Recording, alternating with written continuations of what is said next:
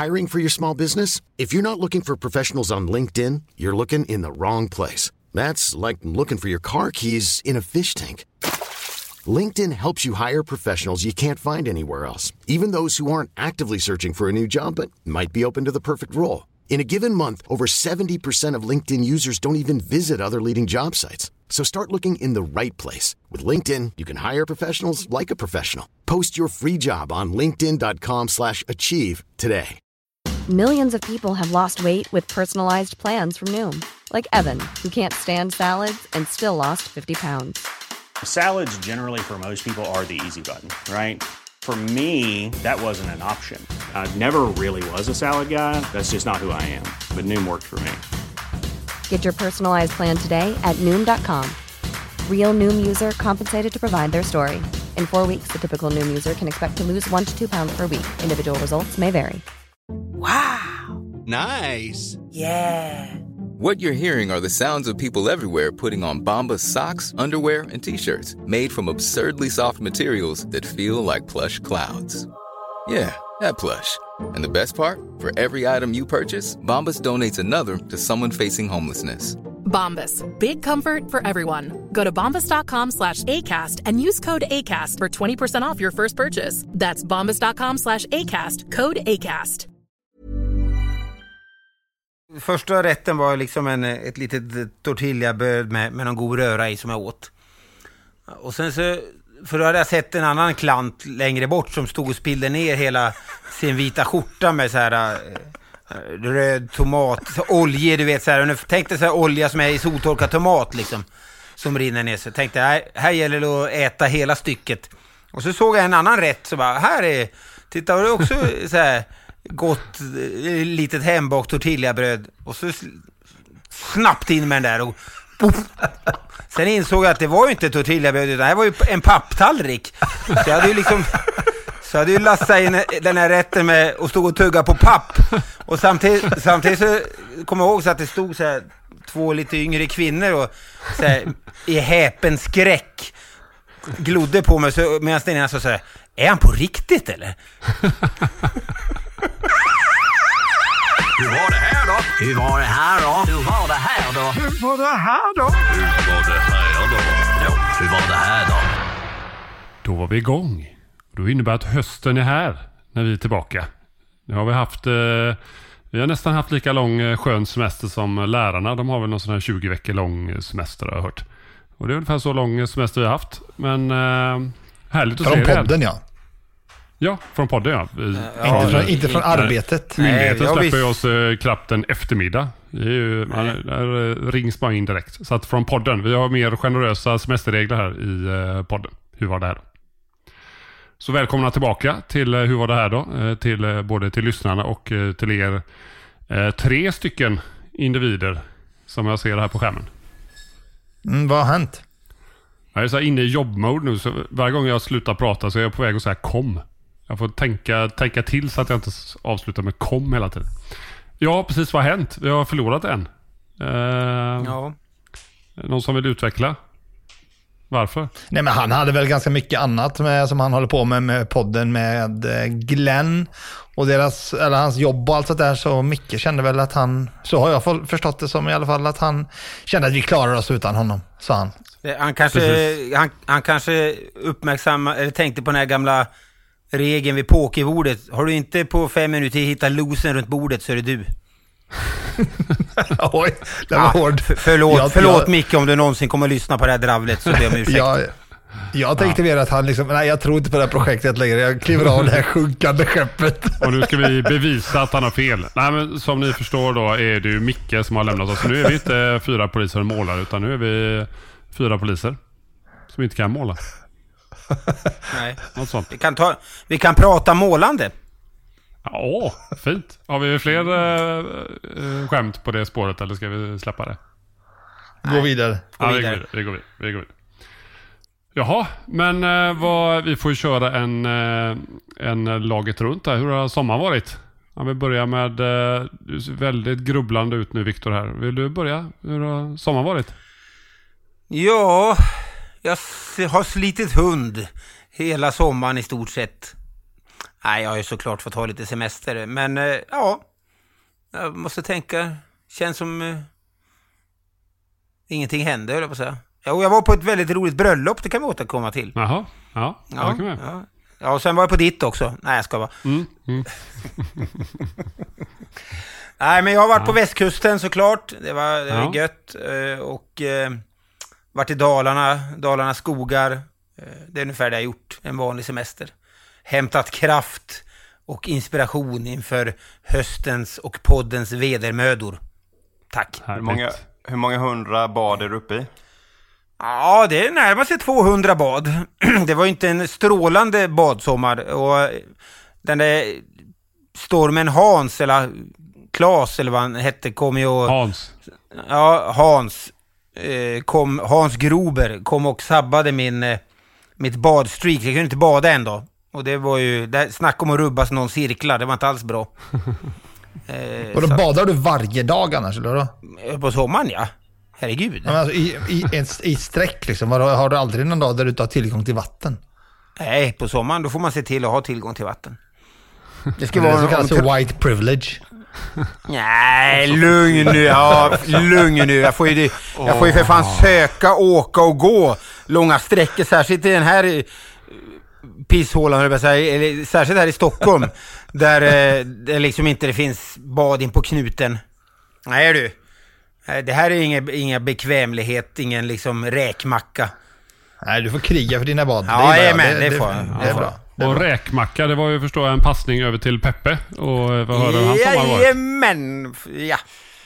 Nej, men jag har haft en bra sommar. Jag hade ju junisemester och ehm, ja, rent vädermässigt så var det ju vältajmat. Sen eh, hade jag ju hoppats på en, en bättre juli, augusti. Men så tänkte jag att ja, ja, det blir som det blir. Men eh, jag kommer ju jobba mycket, åtminstone.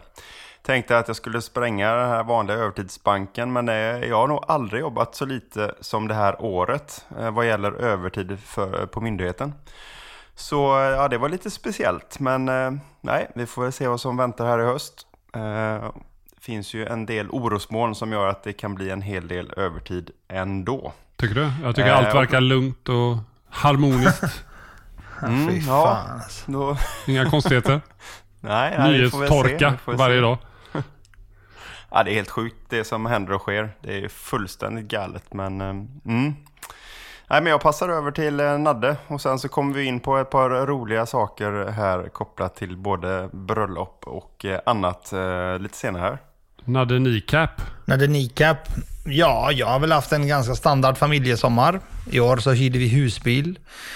För första gången någonsin. Vi fick inte tag i någon stuga för vi är alltid ute så sent. Det var vidrigt. Eh, husbilslivet. Snacka om Svenne!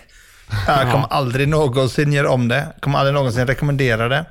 Eh, men det var i alla fall mysigt att umgås nära in på familjen så att säga.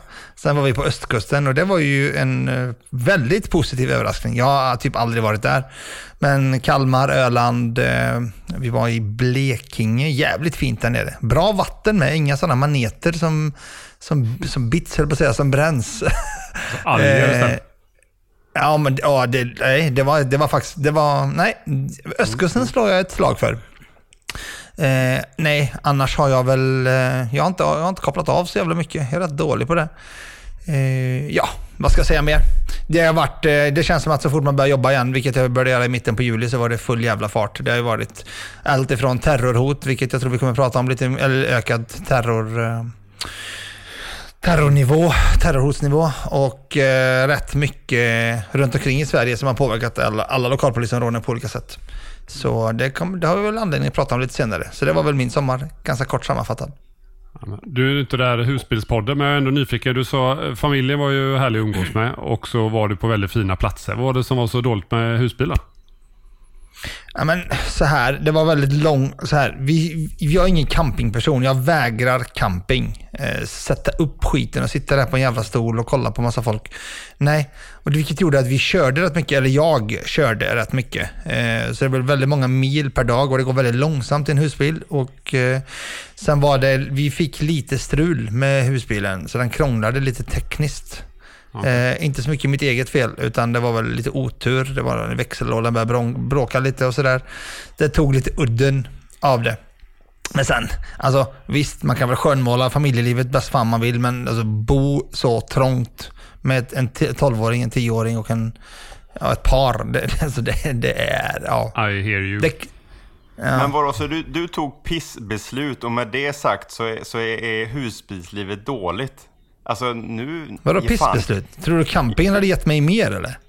Klart att det gjort. Går runt med för stor jävla kuska runt i en studsmatta. husbil liksom. Amatöranalysen är annars att det går, allt går lite för långsamt för dig eh, på en husbilsmäster Ja. liksom. Kan Ja, men kanske, kanske liksom själva grejen med husbil som alla babblar om, det är den här friheten, man kan se så många olika platser. Då tänkte vi, ska vi göra det? Vadå, ska jag sätta upp skiten på en camping och gå och hoppa på en stor studsmatta med ungarna med till exempel med, med tusen andra barn? Nej, då kan jag lika åka på charter liksom. Nej. Så det var, själva syftet med husbilen var ju att kunna se olika platser och Ja. det var ju, innebar ju många mil i 80 km i timmen liksom. Fy Ja, fan. Ja. Jag har aldrig blivit så omkörd i hela mitt liv. Och den nygifte då? Vad har du att förtälja eh, vad som har hänt under sommaren då? Ja, nej, jag har haft en eh, väldigt arbetsam sommar. Jag har jobbat som tusan har jag gjort. Jag var helt slut när jag gick på semester i mitten på augusti till slut. Eh, efterlängtad semester där samtidigt, eh, i och för sig min fru som mest planerade, men jag var ändå med på ett hörn där och planerade bröllopet. Och sen bröllopet och sen, eh, som var fantastiskt. Eh, magiskt på alla sätt, eh, såklart. Och sen lite god resa till värmen. Så att de två veckor semestrarna där, eller två veckors semester som jag hade, eh, gick nu i efterhand så eh, bara känns det gick otroligt fort. Så att jag, som tur var har jag lite kvar i höst här. Men jag har jobbat väldigt mycket och det är, jag gillar ju mitt jobb så att det är ju trevligt. Men jag tror att jag kanske jobbade, om du jobbade väldigt lite övertid eh, som du sa där så jag, jag har jobbat nog eh, rekord eh, i övertid. Så att jag har jobbat lite för mycket för att, att det ska vara helt hälsosamt tror jag. Vart gick bröllopsresan? Det gick ner till Antibes i Frankrike. Där kan jag verkligen eh, rekommendera att åka. Då kan man nämligen också åka tåg till lite massa mysiga ställen. Man kan åka till Monaco väldigt lätt. Man kan åka till Cannes, massa grejer. Och det är ju varmt och skönt och mysigt och allt som man vill ha, tänker jag. Det var väl en fråga på ert bröllopsquiz också, vart ni hade förlovat er. Ja, precis. Det var ju just på Då samma kunde plats. man ju med enkelhet gå in på er Facebook och se vart ni hade taggat för ett år sedan. Fuskar du? svara rätt på den frågan. Fuskar det, du? stod, det, stod, det stod ingenstans att man inte fick kolla Facebook. eh, så då, vi vann ju också drink... Eh, Ja. drink eh, Ja, mäklarbrickan. Ja, priset. Mäklarbrickan. Rätt, rättvist och värdigt. Frågan är om det var bra för Viktor att vi gjorde Nej, det. han hade kommit hem snabbare om eh, ni inte hade vunnit. Det bottnade enbart i lite ouppmärksamhet. Kort sammanfattat så är det inte bara från Saltholmen så går det inte bara färja hem till Viktor utan eh, hem till andra öar också. Ja, och ibland har man otur och går på fel båt och så får man eh, ligga på ett färjeläge en hel natt. Men du får berätta, berätta nu från start till slut så folk fattar. Alla har ju inte läst din blogg, Viktor. Nej, men de kan ju, det är ju livfullt skildrat där. Invictor Veritas, jättebra blogg. Gå in och läs. Men eh, ja, jag skulle åka ut till ön tillbaks och lämnade bröllopet i god tid. Fick skjuts av eh, Nadim också. Och kom på båten och allt var bra. Men med den lilla detaljen att jag hade klivit på fel båt. Så istället hamnade jag i en helt annan del av skärgården och fick åka med och kastas av, eller på att säga. Och så gick det inga mer båtar på fem timmar. Och där fick jag ligga, det började regna, jag försökte sova. Det gick dåligt. Eh, ja, det är en kort sammanfattning. Och i panik börjar Ja, ringa, ja, ja, men sms att skulle- du, du håller skulle- på att dö, Ja. hjärtmediciner Ja, måste intas och ditten och datten. Jag, jag, ute, Ja. jag utelämnade ju det. Det ska ju vara någonting kvar för läsaren också. Men det stämmer, det, det blev desperata tilltag där, där in, i, i mörka natten som inte hjälpte mig ett dugg. Eh, Han plockar, tyvärr. fram allt, han plockar fram allt ifrån sjukdomstillstånd till avkommor till... Sjö, sjöpolisen skulle rycka ut i min skalle, men tack och lov var det ingen som lyssnade på den idén. Lä, lä, läs, pe, läs Peppe. Att du, att du inte, ja, men att du Ja. inte ställde frågan till dina 270, 80, 90 tusen Twitter-kompisar som du har. Det hade ju kommit en du- båt där. Om du Ja, hade men gjort. någon, rysk trollbåt sånt, hade Ja, lätt exakt. kommit och hämtat Jo, dig. men när jag, när jag inte fick tag i min kusin som, som i min tankevärld skulle skicka ut en lots från Göteborgs hamn och undsätta mig eftersom jag var nödställd, då, då rann alla, all in, dådkraft och initiativkraft rann av mig. Och jag, blev, och jag sjönk ihop passiv på en bänk. Eh, det var en, jag var en slagen man. Jag, förmådde inte ens gå bort till eh, värmestugan en bit bort och gå in, utan jag blev liggande där på bänken.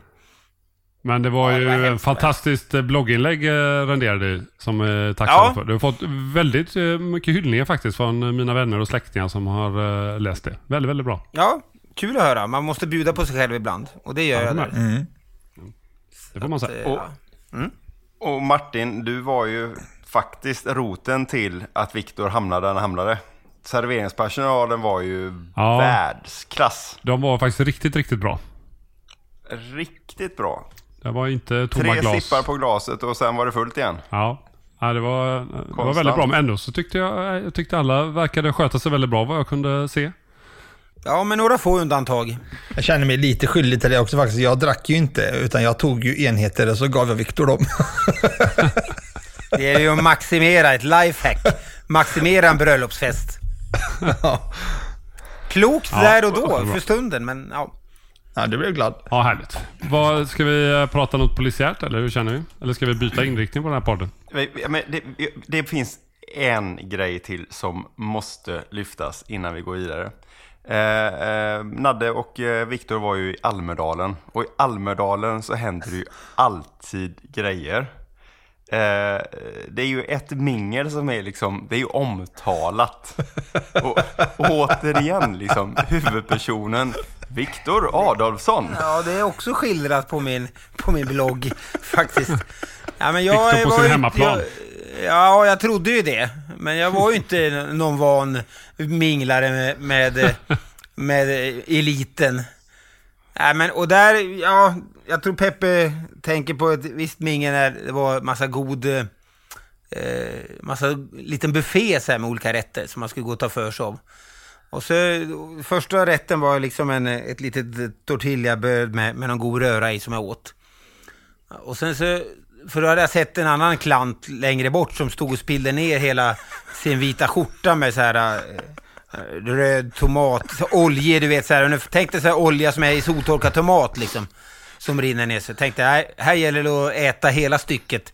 Och så såg jag en annan rätt, så bara, här är, titta, har du också så här gott eh, litet hembakt tortillabröd. Och så snabbt in med den där och poff.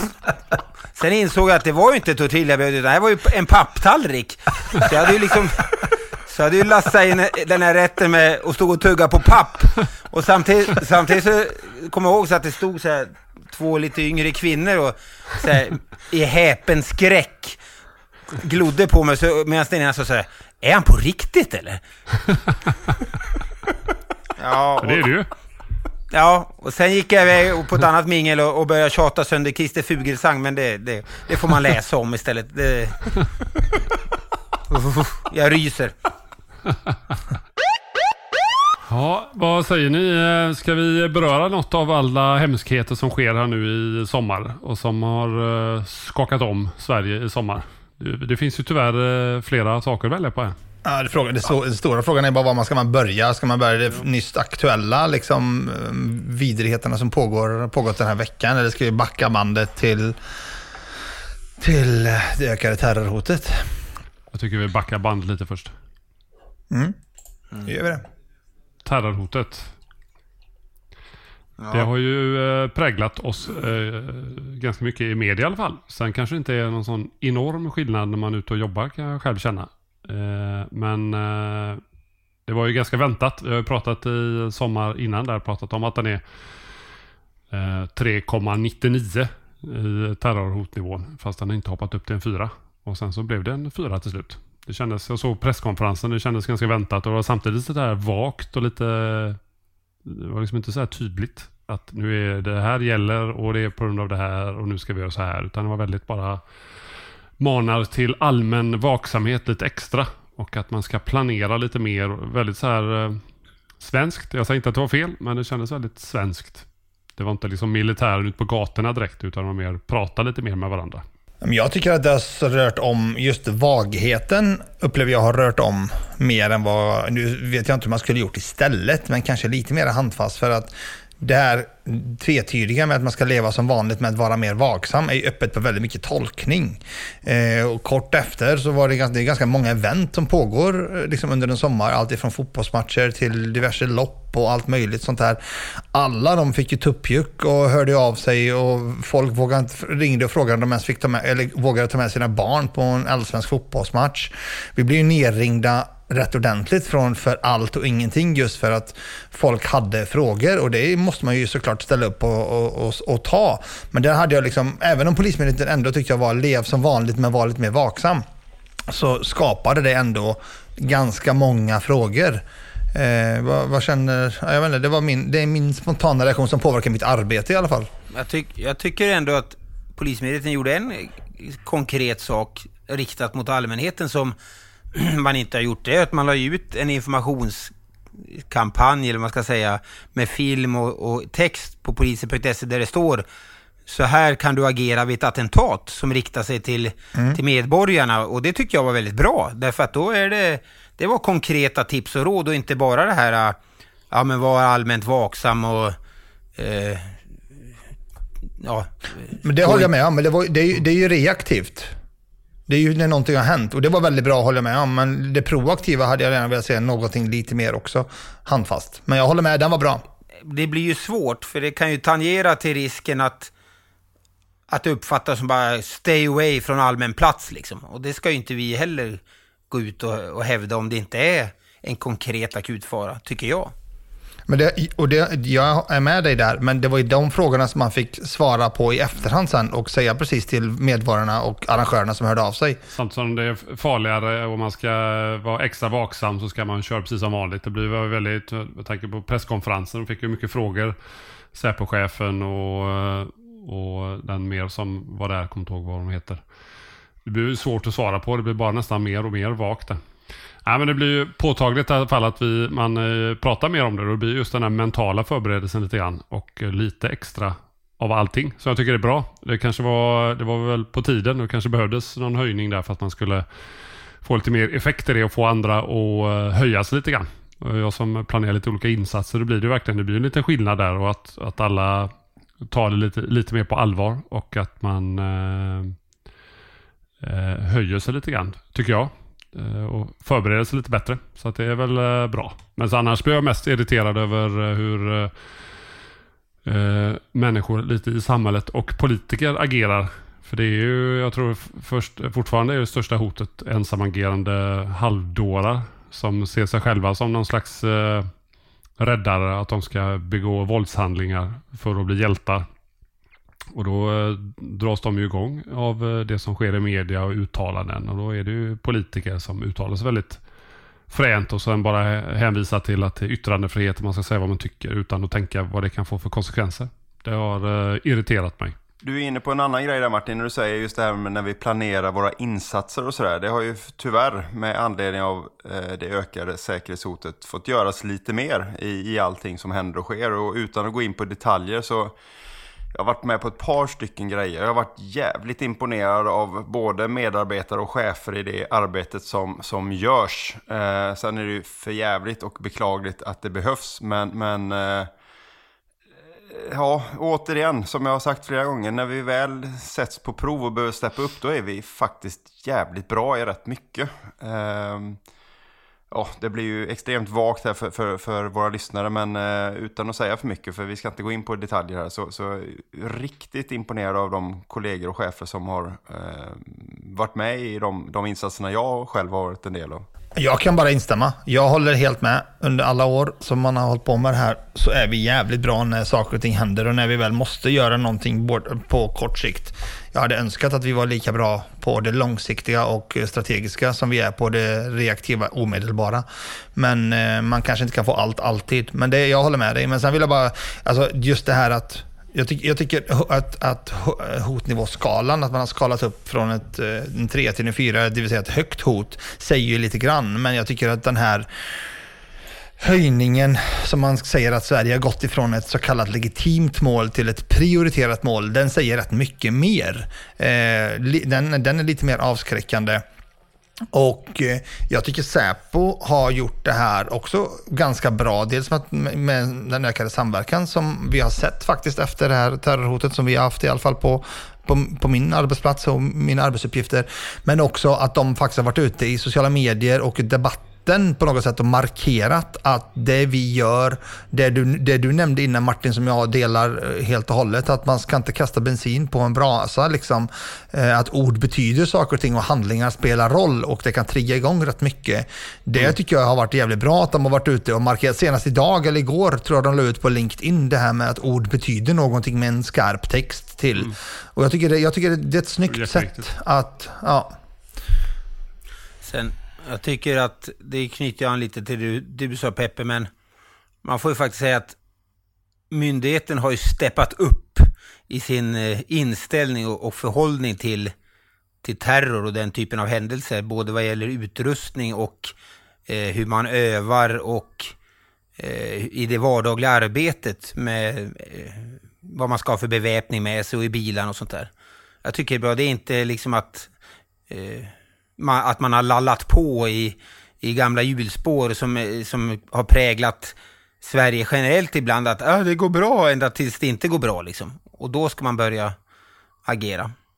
Det tycker jag är är en styrka och det är bra för medborgarna att veta det. Att liksom det här... eh, Inget kanske händer, men man försöker förbereda mentalt och i, i utrustning och allting och även på polisstationer och i, i det personliga tänket att snabbt ställa om när något händer och vara beredd att möta det kvickt.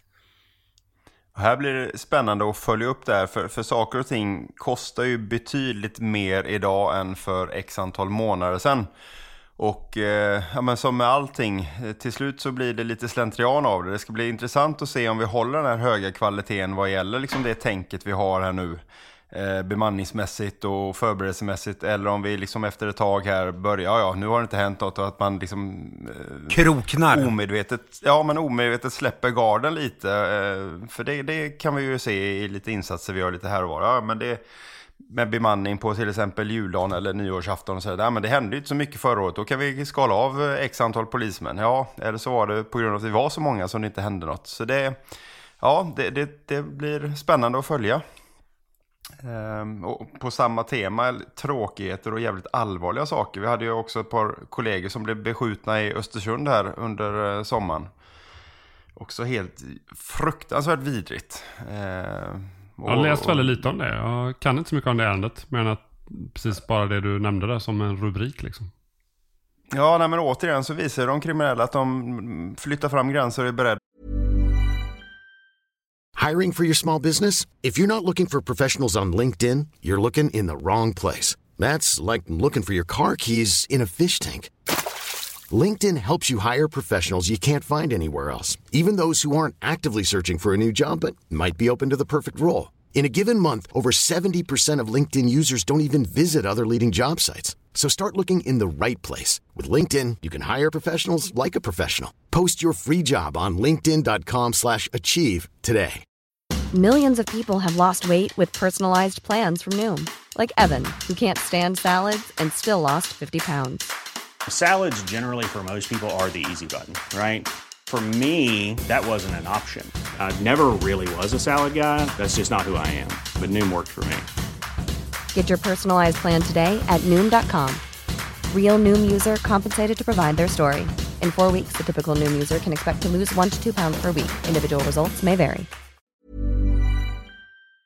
Att ta eh, större risker än tidigare. Men mig veterligen så greps två personer. ehm, Ganska, och, eh, ganska snabbt också va? Ja, jävligt bra jobbat men faktiskt. Kollegorna gjorde ett jävla jobb där uppe och det är Mm. fruktansvärt gött att, att, att se. Ehm, sen återstår att se vad det, eh, om det går att leda i bevisning fullt ut hela vägen. Ehm, men det håller vi tummarna för och att det blir riktigt kännbara straff här nu.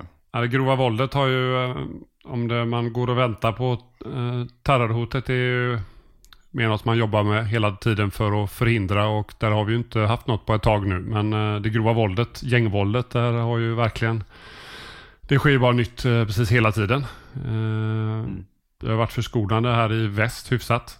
Men uppåt, framförallt runt Stockholmstrakten och Uppsala här nu, så är det ju helt, det har varit helt sjukt hela året.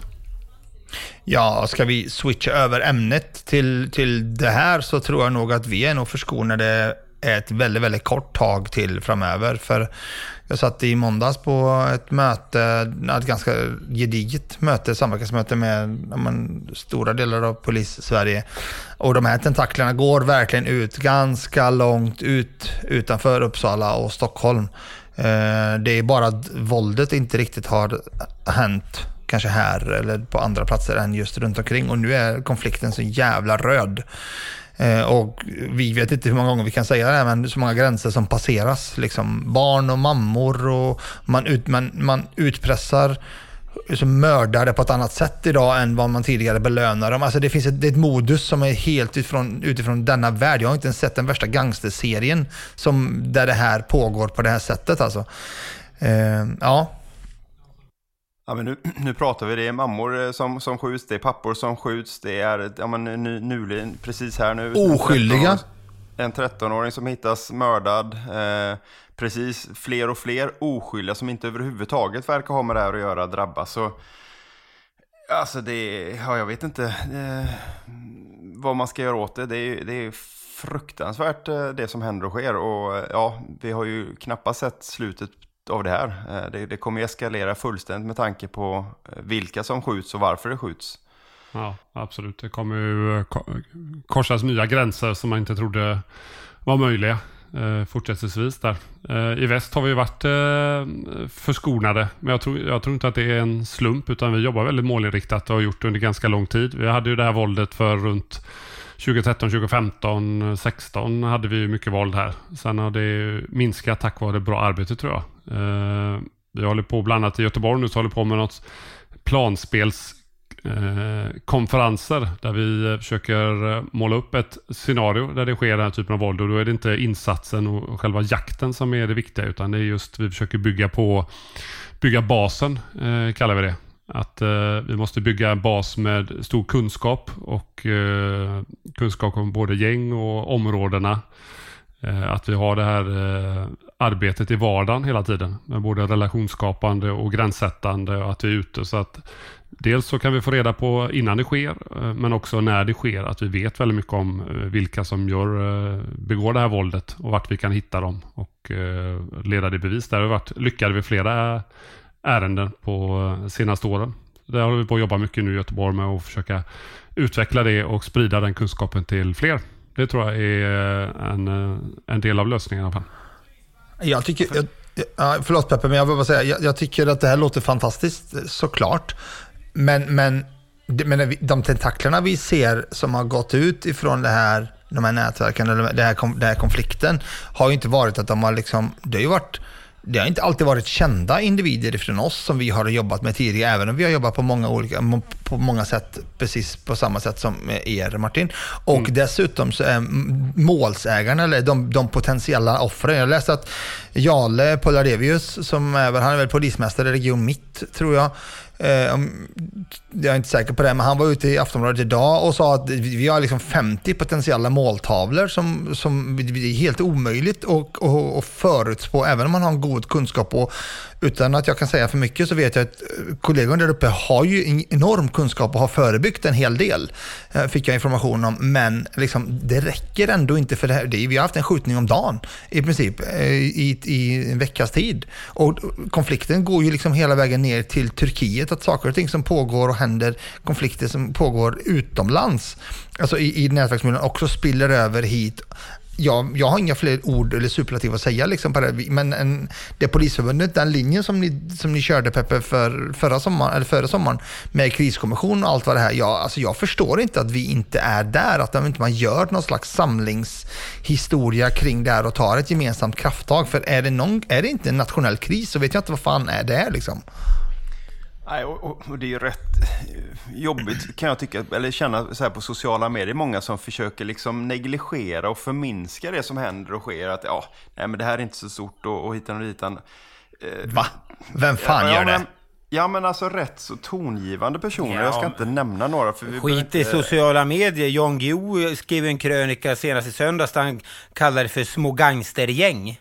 Och, och, och relativiserade våldet något, eh, utan han hänvisar till Brås det här att det ligger konstant eh, brottsligheten och ba, ba, ba. Mm. Eh, helt otroligt. Man, man tar sig liksom bara för pannan och undrar vad fan som, som händer. Och, men bara en sån grej som sprängningar, som mig veterligen första halvåret här, eh, det, det är fler sprängningar än, än förra året. Och, ja, men, det, det, man önskar ju att fler förstod hur många som påverkas än bara den som attentaten, eller attentatet riktar sig mot. Jag, jag var själv på en sprängning här för ja, men några veckor sedan eh, i ett eh, bostadskomplex och, och rädslan från så många runt omkring och inte bara de som bor i liksom närmsta trappen utan jag tror inte att folk förstår hur många som mår så fruktansvärt dåligt över allting kopplat till sådana här händelser. Utan det är någonting man, man läser om och så tänker man inte mer på det. Alltså den... Alltså jag, den rädslan, ångesten och oron och, och så, som de beskriver och som man liksom kan känna när de pratar om det. Det, det gör fan ont i en att, att, att se och uppleva den. Man pratar ju ofta om, eh, sen när vi pratar om brottsoffer, det här är ju de sekundära brottsoffren, de runt omkring, Mm. som inte liksom kanske alls fångas upp eller eh, får erbjuds stöd.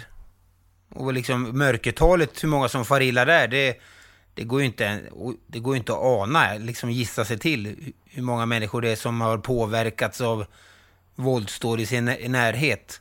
Och då, ska vi, det, och då är det ändå faktiskt liksom så här att man har eh, fått smaka på riktig otrygghet. Sen, och då, då har vi nästa ring utanför som är upplevd otrygghet som kanske personen inte alls har varit nära något men som hör och ser och märker det här via media att det är varje dag som blir otrygga. Så det är så otroligt många liksom lager på lager av otrygghet som sprids i samhället på, på grund av det här. Och sen undrar folk varför vi, man är rädda och misstänksamheten ökar och varför politiker liksom i förtvivlan försöker hitta på nya lagar och ge verktyg så här liksom, och att det går fortare och fortare. Det är inte liksom att de är, jag ser inte det att po- politikerna vill, främst gör det för att de vill vara populistiska många, utan de har, de försöker svara på folks oro. Och liksom så ska man visa krafttag och liksom, så här, och visa att man gör något. För annars heter det, vad gör politikerna? Och så blir det liksom en ond spiral. Och det, det politiker vet och beslutsfattare, det är ju också att en, en, en otrygg och rädd befolkning är ju också, det är ju in, i, i långa loppet en, en ganska farlig utveckling i, i ett demokratiskt samhälle, i ett land. Men en rädd befolkning är inte, är ju, det påverkar ju våra val och beslut. Så där kan man ju ibland förstå att man vill ibland agera snabbt bara för att visa handlingskraft, även om den handlingen eller den lagförslaget eller man vill eh, åstadkomma inte kommer ha någon särskild effekt. Men det är väl kanske också för att dämpa oron. Men jag, jag bläddrar lite grann här nu, as we speak. Och det är alltså, bara idag har vi tre skottlossningar liksom. Bara idag. Ska Och, man, och det här är ju ingenting som sticker ut. Det är ju ofta det är både två, tre och till och med fyra skottlossningar ibland. Det, ja, det, det är Ja, men helt det galet. blir så, en rädd, som du sa Nadim, en rädd befolkning. Där försvinner liksom mell, me, mellanmänsklig tillit. Man litar inte på, på folk runt omkring en. Man blir mindre benägen att hjälpa sin nästa om man ser något. Man blir rädd själv om man ska dras in i. Man blir misstänksam mot alla i sin omgivning. Man sluter sig. Man liksom eh, bygger... Eh, ser sitt hem som sitt eget näste, så man inte vill gå ut typ i förlängningen liksom. Man Det litar är inte mer på någon. extremt allting. Ja. Och Men det- lite på det, ja, nej, men lite på det spåret du, du pratar om här, Viktor. Jag, jag plockade upp en, en äldre kvinna här längs vägen för, för några veckor sedan. Hon stod, hon hade missat bussen och, och så tog jag upp henne. och Så kom vi in och pratade om det här just med, ja, det visade sig, det hade ju hänt några gånger att, för hon åkte skolskjuts och när skolskjutsen inte kom när, när barnen var, var lediga, ja, men då fick hon antingen gå upp eh, fem kilometer bort eller eller lifta. Och då tänker jag ju med mitt polisiära, jaha men eh, så fort du ställer dig där liksom, och, och, och, och försöker få lift, får du det varje gång? och nej, det fick hon inte. Och ja, det kan ju visa sig att, att man helt enkelt skiter i henne eller också att man upplever någon rädsla. Inte för att jag, jag vet vad en äldre pensionär skulle, skulle göra, men jag tror att det hör lite samman med allting som händer och sker. Att man, att man inte har tilltro till människor på samma sätt. Sen om hur mycket det påverkar detta, det kanske är ett jävla långskott. Men ändå, eh, eh tanken bara slog mig. Eh, kanske inte har något samband överhuvudtaget. Men... Tror du att hon hade hoppat in i en bil om jag hade stannat? Absolut. Tror du det? Ja, ja absolut, absolut. Det, Om du tar det, de där jo. solglasögonen på dig som du hade när vi började. Nej, och det hade ju inte... Det, det är ju sunt att inte vilja hoppa Ja, in i en sån ja. bil. Ja, gud. Jo, nej, det... Ja. Jag tror att vi kommer få anledning till att prata om det här eh, även kommande veckor. För det finns mycket, mycket att säga och det rapporteras. För, och jag måste faktiskt säga att jag tycker rapporteringen kring det här, i alla fall från eh, SVT och SR, har varit fantastisk. Nu är jag ju partisk för jag är vän med Diamant eh, Salihu, men jag tycker att han är helt otrolig på att skildra, berätta och sakligt kunna liksom belysa från olika perspektiv. Eh, han är helt outstanding i det. Han är ju, man behöver inte hylla honom mer än nödvändigt, men han är ju, det finns ju inget bättre än honom och han har fått så mycket priser för det här. Men han gör det väldigt bra. Eh, och en, en god källa till kunskap eh, att både följa och lyssna på, tycker jag. Ja, det är ju helt klart på agendan. Det är ju många som gärna vill säga att det bara smusslas undan och blir bara en liten rubrik. Men jag tycker ändå, fan, de, det är ju så mycket våld. De, de, eh, media eh, visar väl så mycket av det som man kan göra. Det kan ju inte bara vara det. Det är klart det måste, vara något annat också. Jag tycker man, eh, det skildras på olika sätt. Och, alltså SVT där har ju väldigt många olika dokumentärer och information kring så man kan förkovra sig. Och så här. så att det, det, jag tycker det går att få mycket information där. Det går att få för mycket till och med. Det jag kan tycka, eh, om man pratar om SVTs dokumentärer, det är de gjorde ju en, och den fick ju pris nu på, om det var Kristallen eller vad det var, gäng, gängkrigets tid eller något sånt där. Någonting sånt. Den var ju väldigt bra, men den var väldigt sådär dramaturgiskt eh, överdriven. Alltså man, det kändes som att man inte bara ville skildra utan man ville också dramatisera för sakens skull. Och det hade jag väldigt svårt för när det handlar om det här ämnet. Det behövs Lugn nu. inte kryddas Lugn nu. ytterligare. Om du pratar gängkrigens tid så tror jag det var via Play och där var jag med i den. Så Nej, det var inte nu. den. Det är, Ja, det är. SVTs. Jag vet vad jag pratar om gubben. Ja, det här, via, har jag inte. Gängkrigens tid i alla fall var via Play. Ja, det var något på SVT i alla fall som var Ja. för övrigt innehållsmässigt väldigt bra. Men just Ja, att den var ja, jag överdrivet. vet vilken du menar. Ja, man behöver inte dramati- överdramatisera det mer. Liksom. Ja. Nej, jag, jag håller med. Jag håller med. Det är dramatiskt nog. Ska vi ta en lyssnarfråga eller? Då kör vi en lyssnarfråga då ifrån en, jag tror inte att han vill vara anonym, utan en Kevin. Hej gänget! Jag har en fråga angående ert övningsskytte. Jag förstår att det varierar mycket beroende på vad man har för tjänst och så vidare. Men hur ser möjligheterna ut att i egen regi öva skytte både på arbetstid och om man ska göra det på egen tid? Alltså åka ner efter jobbet då. Exempelvis om man åker in Exempelvis åka in tidigare till stationen för att skjuta innan man påbörjar sitt pass eller på en ledig dag. Grym lyssning för övrigt. Tackar! Ja, det förutsätter att man har en skjutbana på stationen där om man ska göra så. Det hade varit väldigt trevligt om alla polisstationer hade. Men jag tycker, man har ju mer möjlighet att träna än vad man gör egentligen. Det är enligt min uppfattning i alla fall. Åtminstone vi på områdespolisen, vi har lite friare än vad ingripande verksamheten har. Men vi har ju egentligen möjlighet att träna ganska ofta. Så är det, men, och sen, men man kan ju inte liksom lalla ner lite som man vill heller, utan det ska väl vara instruktör med va? Nej, det måste inte vara. Inte om du ska skjuta själv. Ska Va? du skjuta själv behöver du inte ha instruktör. Man måste utse en skjutledare bara, eller en övningsledare. Man säger. Men det måste inte vara... Eh, vissa Men om du övningsplatser om du måste själv då? Nej, Men är du själv då? Ska du, stå, ska du stå där och bara Viktor, idag är du eh, skjutledare. Tackar Viktor. Ja. Kan du skjuta. Viktor? Tack Viktor. Eh, bra skjutet Viktor, tackar. Du får passa bara så det inte finns någon övervakningskamera för då kommer de ner med en sån tvångströja till och leder bort det därifrån. Ja, men vad, vad menar du då? Nej, men man får sitter, sitter någon tjomme på kansliet och bara Öj, du är skjutledare. Ja, det är bra. Gå ner du. Nej men som när jag har varit där med min grupp exempel. Jag är inte utbildad eh, vapeninstruktör. Men då har jag eh, agerat som eh, skjutledare. Någon som håller i det och liksom kör allt det där. och Tillser säkerheten och håller i övningen. Och att, att det är liksom lite ordning. Så att det inte någon springer framför någon annan Ja, när de skjuter. Så man har lite exakt. ordning och reda. helt enkelt. Ja, men det är det, är det jag menar och då kan du inte lalla ner själv.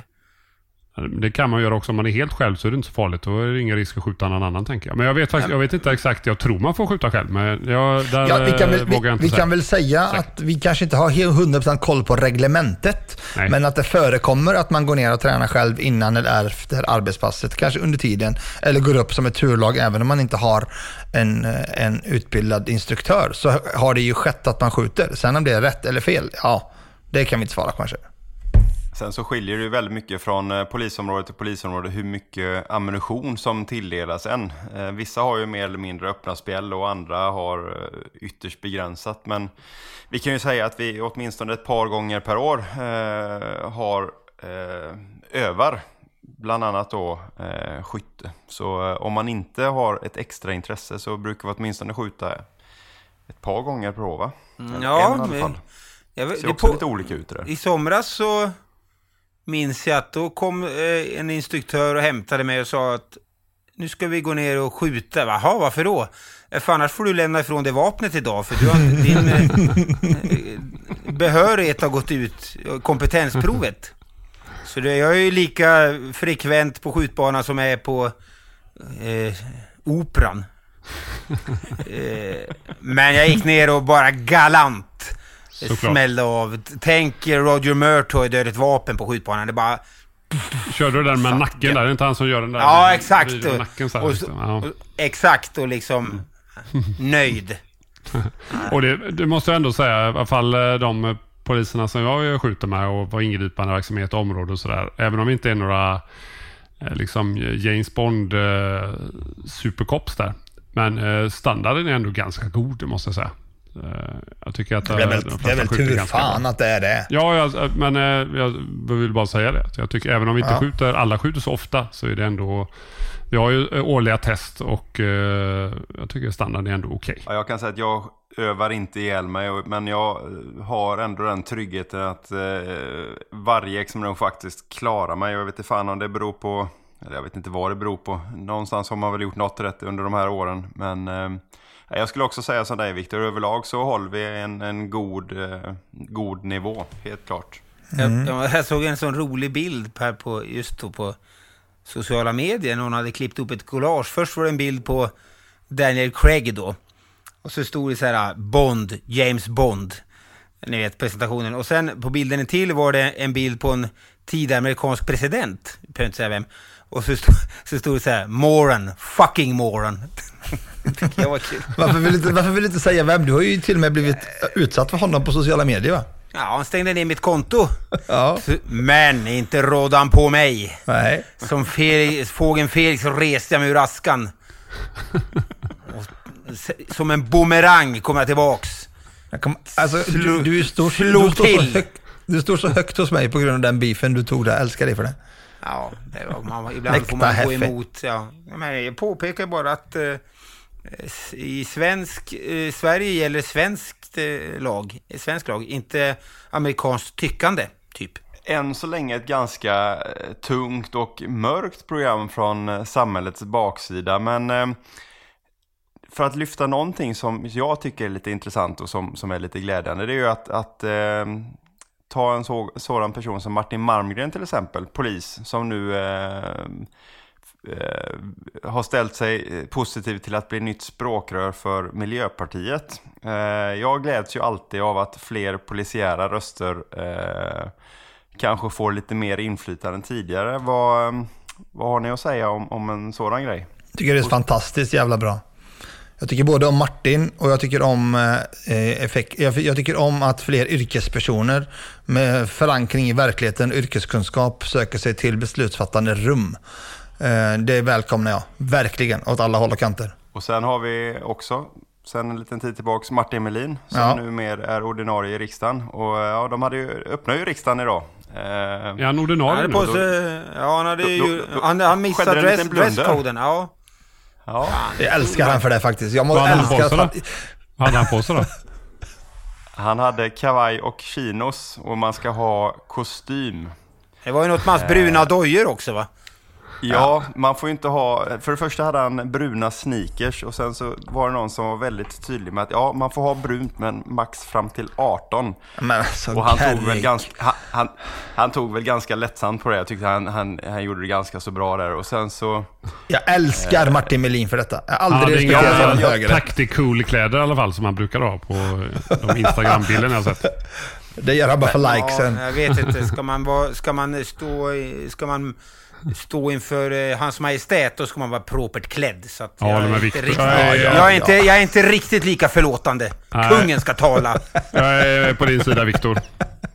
Då kan man 100%. inte, då kan man inte, då, jag är ledsen Martin Melin, jag gillar dig, men man kan inte spöka ut sig. Martin, jag är på din sida. Spöka ut dig. Ta vita sneakers nästa gång. Proper klädd som alltid, så vi ska nog inte liksom så, men det var inte rätt klädsel, men det var snygg klädsel. Okej då. Eh, och dessutom så har eh, Martin Melin blivit hedersmedlem i eh, Region Stockholm, Polisförbundet, efter att han eh, räddade livet på en kollega här för Ja. ett tag sedan. Härligt. Tål också att lyftas. Ja, verkligen. Vad gjorde han, sa du? Fantastiskt. Det, visst, det visste inte jag. Vad, vad gjorde han då? Vad var det? Han var med och räddade livet på en kollega som eh, föll ner livlös för ett tag sedan. Eh, Det uppmärksammades här i dagarna också. Mycket Så, bra. Då, snyggt. då, ta, då tar tillbaka allt, allt jag sa nyss. Då, då får han gå klädd hur fan han vill. Heder åt Robinson Martin. Ja. Den enda eh, värdiga Robinson-vinnaren. Ja, Det faktiskt. kan vi väl också med. vara överens om va? Ja, det jag håller med. Det. Men är det Peppe för att han sprang runt och sprätte OIK-tröja där eller på det här programmet som du tycker är bra eller? Mm, ja, bland annat. Och sen så eh, kändes det som att han var den enda vinnaren där man inte bara paktade ihjäl, utan han var bäst rakt av. Hur fan kan du komma ihåg det? Du var ju, det var ju 20 år sedan. Kommer du Ja, ihåg den säsongen eller? P- Inte Hur går det för AIK Peppe förresten? Vi kan ju avsluta med att bara Eh, prata det. Vi, vi, eh, vi kan prata om att AIK fotboll dam går fantastiskt bra. De är grymt bra. Eh, finns inte ett lag som slår dem just för tillfället. Så Okej. ja, överlag ganska bra. Peppe, vill du inte nämna Polisförbundets stora vinst eh, med eh, gymkorten? Vi har lyckats att eh, teckna, eh, eller lyckats, vi har tecknat nytt avtal med Nordic Wellness, 40% rabatt på årskort. Och vi har också eh, en fråga som vi har drivit i många år eh, gentemot Polismyndigheten, är att vi har ökat upp, eller myndigheten har, ska jag säga, eh, ökat Exakt. eh, friskvårdsbidraget har. från 1800 till 4000 kronor årligen. Underbara Efter myndighet. många och långa påtryckningar från Polisförbundet. Polisförbundet gör nytta. Viktor, Nordic Wellness gillar du? Det har du Ja, tränat? men, ja, men, nej, vad fan. Jag säger så här, utmärkt med eh, eh, friskvårdsbidraget. Eh, det är, en, en, eh, en bra, eh, ett bra, eh, vad ska man säga? Ja, en bra sak. Men det här att, att någon gymkedja erbjuder Det är väl eh, bra? rabatt ja, för de som går där liksom. Jo, jo. Jo, men nu utgår De, ju de, du från som, att de, som allting... jag, de, de som jag kallar för Nocco-pimplarna. Ja.